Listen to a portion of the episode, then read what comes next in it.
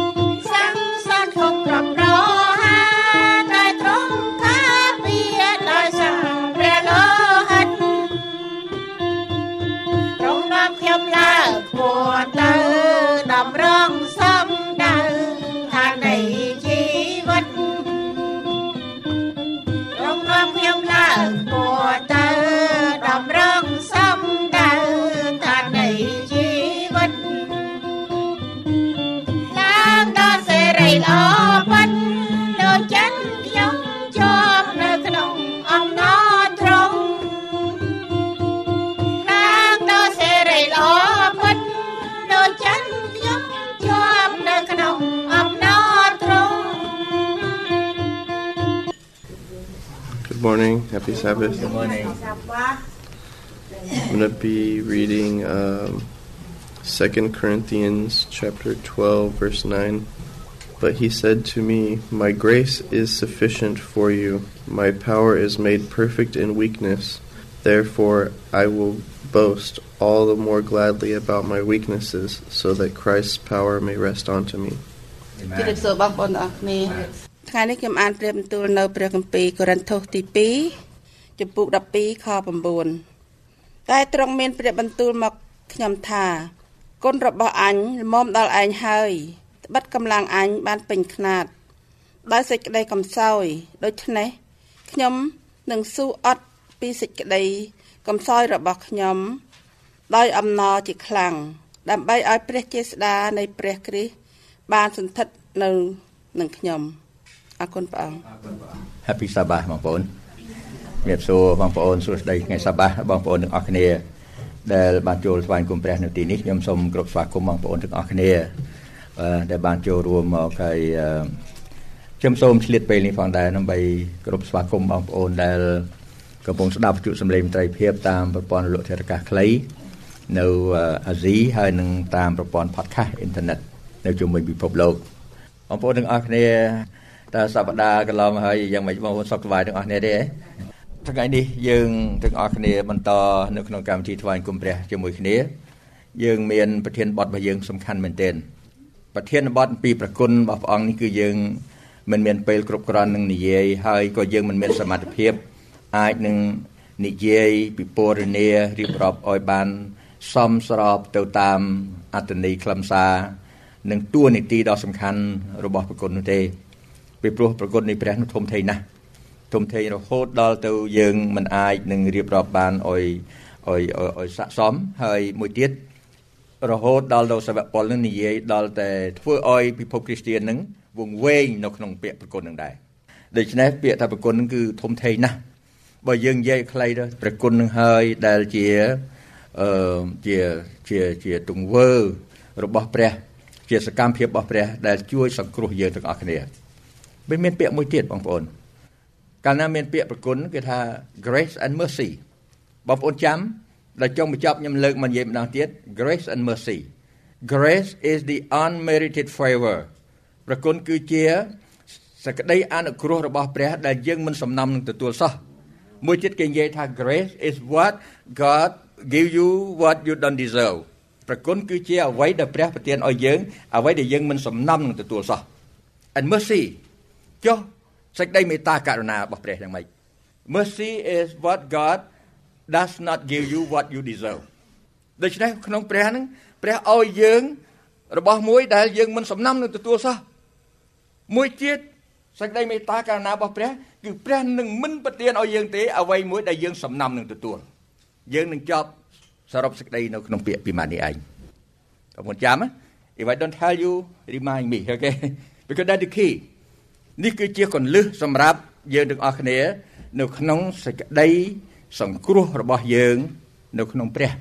ខ្ញុំសូមអញ្ជើញបងប្អូនយើងទាំងអស់គ្នាបានអធិដ្ឋានជាមួយគ្នាដើម្បីសូមអពរព្រះអង្គព្រះវរបិតាទូមគុំបានចូលមកនៅទៀបនឹងបល្ល័ង្កនៃប្រគុណរបស់ព្រះអង្គនៅថ្ងៃនេះសូមអរក្រាបនិងថ្វាយបង្គំទ្រង់សូមព្រះជាម្ចាស់ប្រទានពរនិងមានព្រះបន្ទូលមកកាន់ទូមគុំនឹងរាជរបស់ផងទ្រង់ទាំងអស់ទៅតាមហត្ថលេខរបស់ផងទ្រង់ទូមគុំសូមអធិដ្ឋាន ដែលនៅព្រះនាមព្រះអង្គចាស់ព្រះយេស៊ូវគ្រីស្ទអេមែនខ្ញុំសរុបអឺសង្ខេបខ្លីៗបន្តិចពីថ្ងៃមុនយើងនិយាយពីប្រគុណភាគ1យើងនិយាយពីប្រគុណរបស់ព្រះនៅគ្រប់ទីកន្លែងទាំងអស់នៅសួនស្បាយដែនព្រះប្រកាសភ្លាមមកគេធ្លាក់ចុះក្នុងពើបាបព្រះបានសម្ដែងនៅប្រគុណរបស់ព្រះអង្គមិនគ្រាន់តែបង្ហាញសម្ដែងនៅប្រគុណរបស់ព្រះអង្គនៅក្នុងប្រទេសអេស៊ីបពេលដែលកូនចៅរបស់ព្រះ ជាប់ជាទេសកលចំនួន430ឆ្នាំពេលនោះព្រះជាម្ចាស់បានប្រទាននៅប្រគុណសង្គ្រោះដោយឲ្យសេចក្តីស្លាប់រំលងពីរាជរបស់ផងព្រះហើយព្រះអង្គបង្ហាញប្រាប់ថាអ្នកដែលជាកូនចៅព្រះហើយនិងអ្នកដែលមិនកូនចៅព្រះមិនដូចគ្នាទេនៅថ្ងៃនោះបញ្ជាក់ប្រាប់ថាអ្នកដែលជឿព្រះនៅថ្ងៃនេះនឹងនៅចុងសក្ការ័យបងអស់អ្នកជឿព្រះនិងអ្នកមិនជឿព្រះមិនដូចគ្នាទេ សពថ្ងៃនេះវាមិនដូចទៅហើយប៉ុន្តែមិនដូចតាំងតែពេលខ្លះកូនចៅរបស់ព្រះរាជរបស់ព្រះត្រូវទទួលការរងទុក្ខលំបាកបន្តិចដែរមែនទេជួនកាលយើងហាក់ដូចជាមិនសូវមានសំណាងដូចគេក៏ប៉ុន្តែដល់ពេលព្រះយាងមកពីព្រោះព្រះអង្គទ្រង់នឹងនាំរាជរបស់ព្រះអង្គទៅនៅឯនគរឋានសួគ៌ខ្ញុំបាន share ជាមួយនឹងក្រុមយុវជនខាងក្រោមដែរថាមានចម្រៀងមួយនិយាយថា this world is not my home i'm just a passing through លោកីនេះមិនមែនផ្ទះខ្ញុំខ្ញុំគ្រាន់តែជាអ្នកដំណើរឆ្លងកាត់តែប៉ុណ្ណោះផ្ទះរបស់យើងចុងក្រោយមកអស់គឺនៅនគរឋានសួគ៌យើងឃើញសេចក្តីមេត្តាករុណារបស់ព្រះប្រគុណរបស់ព្រះ នៅក្នុងទីវាលហោស្ថានថ្ងៃនេះខ្ញុំចង់រំលឹកប្រាប់បងប្អូនតិចទៀតនៅក្នុងប្រគុណរបស់ព្រះនៅក្នុងសម័យព្រះយេស៊ូវណាมันបានទាំងអស់ទេពីព្រោះព័ត៌មានច្រើនណាស់គ្រាន់តែជាចំណុចមួយមួយបងប្អូនទាំងអស់គ្នាភ្ជាប់ you have to connect the dot អ្វីមួយដែលយើងបានមើលថ្ងៃនេះបានរៀនថ្ងៃនេះយើងភ្ជាប់ទៅនឹងអ្វីដែលយើងមានរួចមកហើយហើយយើងនឹងបន្តភ្ជាប់តទៅទៀត connect the dot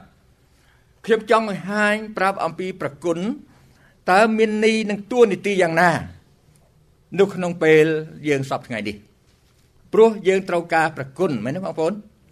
យើងត្រូវការប្រគុណដើម្បីឲ្យយើងបានទទួលសេចក្តីសង្គ្រោះខ្ញុំលើកពីចំណុច ថាតើអ្វីទៅជាអត្តន័យខ្លឹមសារនៃពាក្យថាប្រគុណហើយអ្វីជាតួនាទីរបស់ប្រគុណរបស់ព្រះអង្គនៅក្នុងផែនការសង្គ្រោះរបស់ព្រះសម្រាប់យើងបងប្អូនទាំងអស់គ្នាយើងខ្ញុំមិនមានពេលច្រើនដូច្នេះខ្ញុំគ្រាន់តែជម្រាបប្រាប់បងប្អូនថាព្រះយេស៊ូវបានបង្រៀនបានបង្រៀនដល់មនុស្សនៅក្នុងសម័យរបស់ព្រះអង្គដល់សាវករបស់ព្រះអង្គដល់ពួកយូដាដល់ពួកហ្វារីស៊ីច្រើនណាស់អំពីព្រះគុណដែលត្រឹមត្រូវ ព្រះគុណដែលត្រឹមត្រូវនោះបានដីថាជាព្រះគុណដែលនាំឲ្យយើងបានទទួលសេចក្តីសង្គ្រោះដូច្នេះនៅក្នុងពេលនេះគាត់ថាបងប្អូនខ្លះនៅយល់ខុសបងប្អូនខ្លះគាត់យល់ខុសគាត់ថាកាលណាមនុស្សណាម្នាក់មានបាបឲ្យទៅឯព្រះយេស៊ូវទៅព្រះអង្គនឹងអត់អន់ទោសឲ្យកន្លែងហ្នឹងបងប្អូននិយាយនឹងត្រូវប៉ុន្តែអ្នកខ្លះទៀតមានទស្សនៈថាបើធ្វើបាបពេលណាឲ្យទៅឯព្រះយេស៊ូវទៅណាព្រះអង្គនឹងអត់អន់ទោសឲ្យថាហ្នឹងក៏នៅត្រូវដែរ ប៉ុន្តែបើសិនបើយើងគិតថាបើយើងធ្វើបាបហើយ keep sinning នៅតែធ្វើដដែលដដែលដដែលពេលនោះហើយដែលយើងឃើញថាបញ្ហានោះគឺមិនត្រូវនឹងអ្វីដែលព្រះបន្ទូលមានទេបងប្អូនអរគ្នាមានចាំនៅក្នុងបន្ទូលមួយនេះកន្លែងនេះខ្ញុំចង់បងប្អូនមើលជាមួយខ្ញុំបន្តិចបងប្អូនបើកទៅគម្ពីរកូរិនថូសខ្សែទី2យើងមើលកន្លែងហ្នឹងគឺលោកសាវកប៉ុលគាត់បាននិយាយច្បាស់ណាស់កូរិនថូសខ្សែទី2ចំពុក8ខ9 បងប្អូនយកទៅនៅក្នុងពិភពគ្រីស្ទៀនក្តីខ្ញុំសូមឲ្យបងប្អូនពិចារណាមើលឡើងវិញ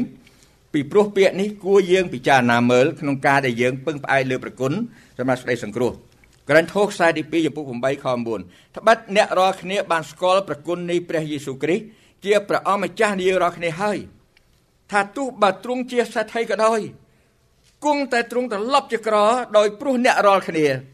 ដើម្បីឲ្យអ្នករាល់គ្នា បានមានឡើង ដោយសារសេចក្តីកម្ររបស់ទ្រង់បងប្អូនយល់ទេប្រគុណរបស់ព្រះអង្គបរិបូរណ៍ណាស់ប៉ុន្តែបើសិនបើយើងខ្ជះខ្ជាយប្រគុណរបស់ព្រះអង្គសូម្បីព្រះអង្គជាសេដ្ឋីក៏ដោយក៏គង់ទ្រង់ទៅជាក្រដែរខ្ញុំលើកឧទាហរណ៍មួយថាបងប្អូនណាមានចំណេះខាង Auto Mechanic I tell you something ខ្ញុំប្រាប់បងប្អូនថាប្រគុណរបស់ព្រះប្រៀបដូចជានៃជាប្រដាប់មួយនៅក្នុងនៃឡានគេហៅថា starter ឡានដើម្បីឆេះបានគឺគេត្រូវប្រើការប្រើ starter starter ហ្នឹងគឺថាពាក្យបារាំងហៅ demerer demerer demerer គឺថាសម្រាប់ធ្វើម៉េចគេថាចាប់នៅ starter ហ្នឹងវិលទៅណាយើងបើកសោទៅ starter ហ្នឹងវាវិលវិលអូសម៉ាស៊ីនឲ្យឆេះប៉ុន្តែខ្ញុំសួរថាប្រសិនបើប្រគុណប្រៀបដូចជា starter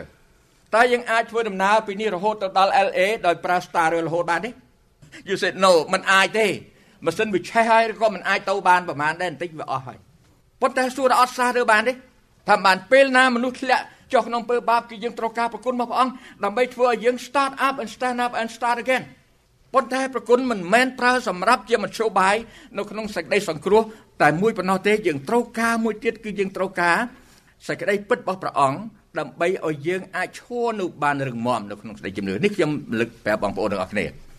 ដូច្នេះកាលណាម៉ាស៊ីនយើងល្អ រថយន្តនឹងម៉ាស៊ីនល្អគេថា start start ហើយនឹងគឺថាម៉ាស៊ីនឆេះរហូតដល់ពេលយើងបិទកុងតាក់នេះបានវាវាលុតអូខេបាននេះថាបើសិនបើយើងត្រូវការ គឺយើងមិនមែនត្រូវការនៃ starter សម្រាប់ឲ្យអូសឡានយើងទៅរហូតទេដូច្នេះនេះជាការប្រៀបប្រដូចមួយបងប្អូននៅក្នុងពិភពគ្រីស្ទានដឹងបើយើងពឹងលើប្រគុណព្រះអង្គសម្រាប់ស្ដីសង្គ្រោះទាំងស្រុងហើយយើងមិនធ្វើអ្វីសោះនោះណាប្រៀបដូចជាចឹងប្រគុណរបស់ព្រះអង្គយើងត្រូវការរហូត ប៉ុន្តែត្រូវការសម្រាប់ឲ្យជួយយើងឲ្យបានឈរឡើងរឹងមាំជាមួយនឹងព្រះចំណុចដែលខ្ញុំមានច្រើនប៉ុន្តែខ្ញុំចង់បង្ហាញប្រាប់បងប្អូនអំពីអឺអត្តន័យខ្លឹមសារនៃពាក្យថាប្រគុណប្រគុណហើយមួយទៀតឲ្យយើងទាំងអស់គ្នាមើលថាប្រគុណរបស់ព្រះនេះគឺអស្ចារ្យមែនទែនអស្ចារ្យនៅក្នុងពេលដែលខ្ញុំចង់និយាយពីប្រគុណដែលព្រះបានប្រទានដល់លោកសាវកប៉ុលម្ដងទៀត បើសិនយើងមើលម្ដងជាមួយគ្នាខ្ញុំសូមអញ្ជើញបងប្អូនមើលម្ដងទៀតនៅកិច្ចការចំពុក9ខ4ដល់ខ6នៅពេលដែលលោកសាវកប៉ុលថាសេគម្ពីរសញ្ញាថ្មីពាក់កដាល half of the New Testament Paul the apostle wrote 13 hour 27គាត់ទៅសេសភៅចំនួន13នៅគេហៅថាព្រះគម្ពីរ13ក្នុង27នៅក្នុងគម្ពីរសញ្ញាថ្មីដោយសារព្រះបានរើសគាត់តាមរយៈប្រគុណនេះឯង ប្រគុណនេះអស្ចារ្យបងប្អូនមើលជាមួយគ្នាបានយើងដឹងថាតើព្រះបានមានប្រគុណយ៉ាងណា ចំពោះលោកសាវកប៉ុលហើយតើព្រះតាមរយៈលោកសាវកប៉ុលមានប្រគុណអស្ចារ្យយ៉ាងណាសម្រាប់មនុស្សទាំងអស់បងប្អូនមើលជាមួយខ្ញុំកិច្ចការពួកសាវកចំពុក9ខ4ដល់ខ6បងប្អូនណែខ4គាត់ក៏ដួលដល់ដីឥឡូវយើងមើលខ3ប៉ុន្តែកំពុងដែល គាត់ដើរតាមផ្លូវគាត់គឺលោកលោកសុលកាលហ្នឹងមិនទាន់ដូរឈ្មោះទេទៅចិត្តនឹងដល់ក្រុងដាម៉ាស់ហើយក្រុងដាម៉ាស់គឺនៅដាម៉ាស្កាសគឺនៅក្នុងប្រទេសសេរីសពថ្ងៃហើយនោះស្រាប់តែមានពន្លឺពីលើមេឃភ្លឺមកនៅជំនាញខ្លួនគាត់ក៏ដួលដល់ដីរួចឮសំឡេងមានបន្ទូលមកថាសុលណែសុលហើយអ្វីបានជាអ្នកបៀតបៀនដល់ខ្ញុំដូច្នេះគាត់ក៏ទូលឆ្លើយថាអរព្រះអង្គម្ចាស់អើយព្រះអង្គណានោះគាត់អត់ស្គាល់ថាព្រះណានោះទេ រួចព្រះអង្គម្ចាស់ទ្រង់តបថាខ្ញុំនេះជាព្រះយេស៊ូវដែលអ្នកបៀតបៀនអ្នកធាក់ជល់នឹងចំនួនដូច្នេះនោះពិបាកដល់អ្នកណាស់នោះគាត់ក៏ញាប់ញ័រទាំងអស់ចាក្នុងចិត្តហើយទូលថាព្រះអង្គចាស់អើយតើទ្រង់សពហាទីឲ្យទូមគុំធ្វើដូចម្ដេច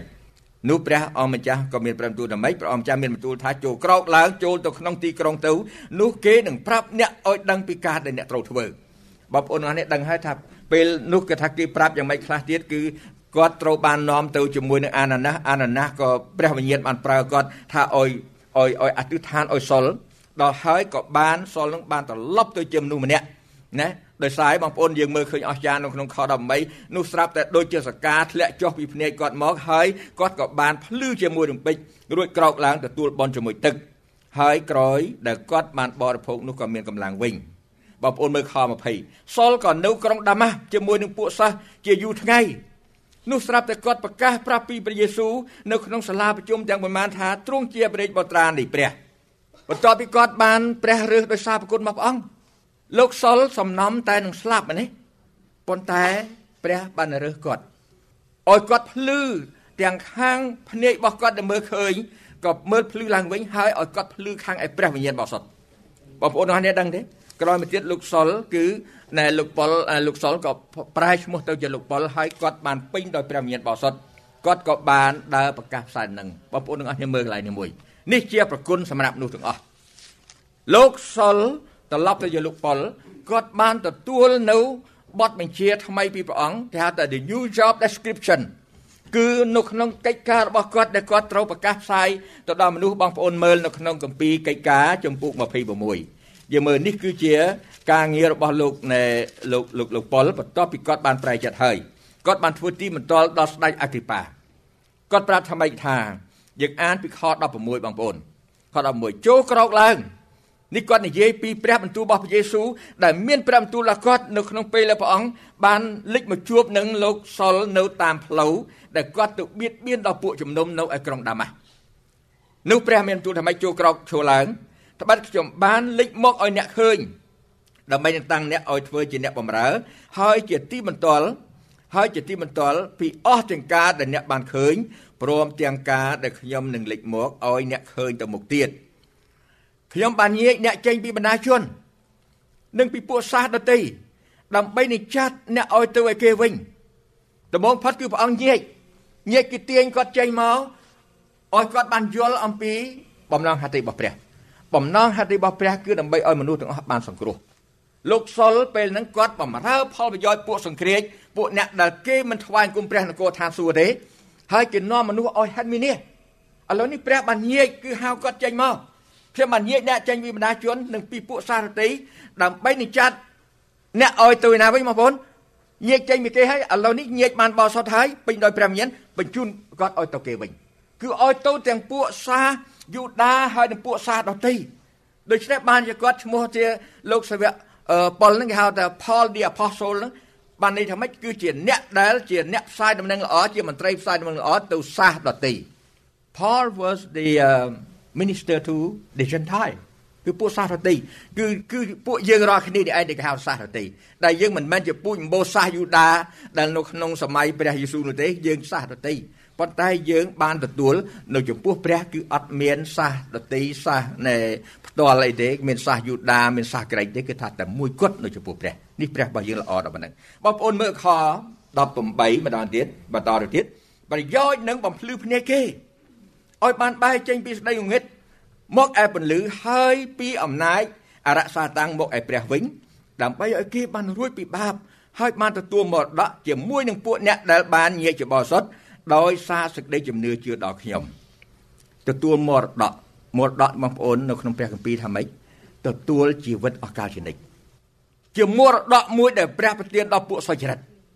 ពាក្យនេះយើងមើលឃើញពាក្យហ្នឹងធម្មតាប៉ុន្តែនៅក្នុងន័យនៃព្រះគម្ពីរឲ្យបានទទួលមរតកជាមួយនឹងអ្នកដែលបានញាជាបរិសុទ្ធណាគឺថាជាមួយនឹងពួកបរិសុទ្ធនឹងបានស្ដីថាជារង្វាន់ដ៏ធំណាស់គឺជាមកុដជីវិតដែលព្រះប្រទានឲ្យដល់អ្នកណាដែលជឿព្រះអង្គ ដូច្នេះខ្ញុំសូមឲ្យបងប្អូនយើងទាំងអស់គ្នាមើលកន្លែងហ្នឹងនេះជាប្រគុណរបស់ព្រះសម្រាប់មនុស្សទាំងអស់មែនទេពួកយើងជាសាសរតីដែរបើសិនបើកុំអោយមានបហតីអស្ចារ្យរបស់ព្រះយ៉ាងដូចនេះសេចក្តីស្រឡាញ់ដល់លើសលន់របស់ព្រះអង្គនោះគឺពេលនោះគឺថាយើងទាំងអស់គ្នាមិនអាចនឹងបានទទួលការត្រាស់ហៅការប្រោះអោយប្រោះលួសដល់យើងទាំងអស់គ្នាទេប៉ុន្តែខ្ញុំសូមរំលឹកដល់នៅក្នុងបងប្អូនពិភពគ្រីស្ទានថាយើងសពថ្ងៃបងប្អូនទាំងអស់គ្នាមើលពាក្យនេះមួយខ្ញុំថាបងប្អូនគឺនៅក្នុងពេល ដែលពួកយើងទាំងអស់គ្នារស់នៅសពថ្ងៃនេះគេហៅថាជារយៈពេលនៃប្រគុណដូច្នេះយើងនៅក្នុងរយៈពេលនៃប្រគុណគឺបន្តិចទៀតយើងនឹងឆ្លងទៅដល់រយៈពេលមួយនៃសេរីល្អ We will go from the grace period to the glory period ដូច្នេះពេលដែលព្រះយាងមកយើងទាំងអស់គ្នានឹងបានទទួលនូវសេរីល្អរបស់ព្រះ បងស្ដាប់បានទេដូច្នេះនៅក្នុងពាក្យ3ម៉ាត់នៅក្នុងសេចក្តីជំនឿជឿដល់ព្រះមួយគេហៅថា justification sanctification and glorification បីជំហានហ្នឹងគឺថាជីវិតអ្នកគ្រីស្ទានយើងបានរាប់ជាសុចរិត justification បានរាប់ជាសុចរិតដោយសារសេចក្តីជំនឿពេលព្រះបានត្រាស់ហៅយើងទាំងអស់គ្នាមកបន្តមកទៀតយើងត្រូវរស់នៅគេហៅ sanctification គឺព្រះបានញែកយើងឲ្យជីវិតរបស់យើងបានល្អឲ្យយើងបានញែកផុតពីអ្វីដែលជាអំពើបាបឲ្យយើង ដើម្បីឲ្យយើងបាន នៅជាប់ជាមួយនឹងព្រះបងប្អូនអរគ្នាដឹងទេអំពើបាបគេប្រៀបដូចជាជញ្ជាំងខណ្ឌកណ្ដាលអញ្ចឹង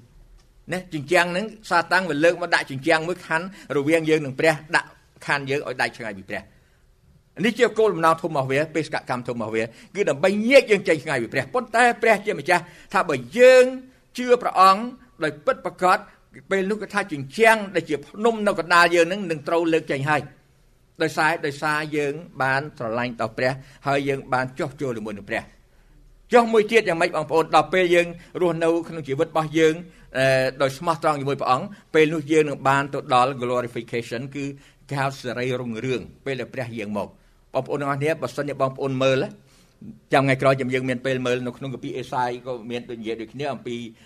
ទស្សនភាពនៅក្នុងនគរឋានសួគ៌ពេលដែលព្រះបានលេចមកពន្លឺដ៏ភ្លឺអស្ចារ្យដែលព្រះអង្គហែហោមដោយពួកទេវតាសលសែនចុះមកដើម្បីទទួលយករាជរបស់ព្រះអង្គទៅនៅជាមួយនឹងទ្រង់អស្ចារ្យមែនទែនបងប្អូនយើងមិនអាចនឹងពិពណ៌នានៅក្នុងពាក្យរបស់យើងជាមនុស្សបានទេ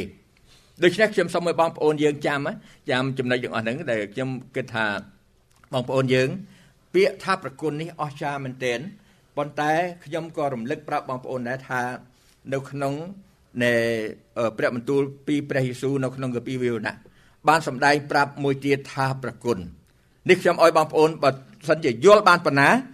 ក៏យល់ប៉ុណ្ណឹងទៅប៉ុន្តែខ្ញុំបង្ហាញប្រាប់បងប្អូនមួយទៀតថាយើងត្រូវមើលទៅក្នុងកាពីវិវណៈចំពុ14នៅកាពីវិវណៈចំពុ14និយាយអំពីប្រគុណនៅពេលព្រះអង្គយាងមកបងប្អូនទាំងអស់គ្នាព្រះគុណ កន្លែងនេះគឺជាព្រំបន្ទាល់ដែនពីយើងរហូតដល់ពេលព្រះយេស៊ូវយាងមកយើងទៅដល់ចំណុចមួយដែលគេថាចាប់ផ្ដើមបើកទំព័រថ្មីមួយនៅក្នុងព្រះអង្គណាអឺទំព័រនៃនគរឋានសួគ៌បានចាប់ផ្ដើមមកនោះគឺថាយើងចូលមកដល់ឥឡូវព្រះអង្គព្រះអង្គយាងមកលើកទី2បងប្អូនមើលជាមួយខ្ញុំនៅកម្ពីវិវណៈចំពុក14ខ9រួចមានទេវតាទី3មកតាមក្រោយទៀតទាំងមិនលើសំឡេងយ៉ាងខ្លាំងថាបើអ្នកណាក្រាបថ្វាយបង្គំដល់សត្វនោះនឹងរូបវា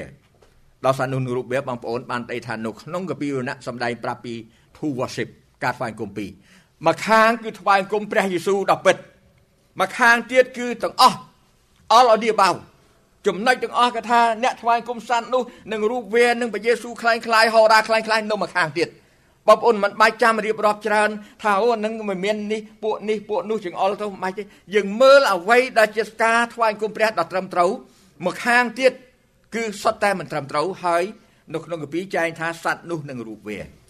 to worship only in the revelation តែពីរទេដោយពេលវេលាកំណត់ សូមអញ្ជើញបងប្អូនលោកអ្នក ស្ដាប់វគ្គបញ្ចប់នៅវេលាល្ងាចថ្ងៃអាទិត្យសូមព្រះជាម្ចាស់ប្រទានព្រះពរ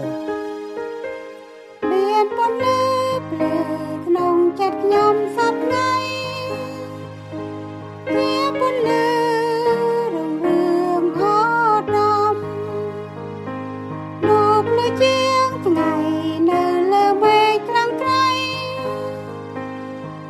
ព្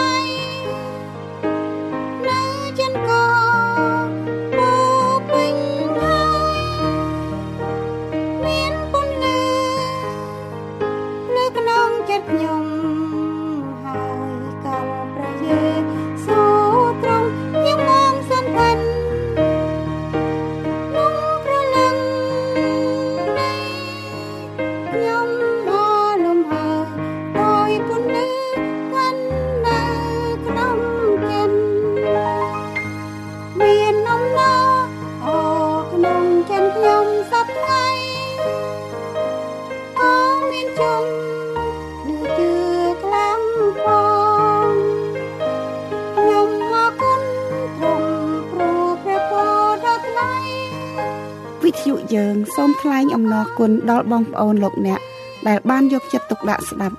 កម្មវិធីយើងខ្ញុំនៅថ្ងៃនេះសូមព្រះជាម្ចាស់ប្រទានព្រះពរជាបរិបូរណ៍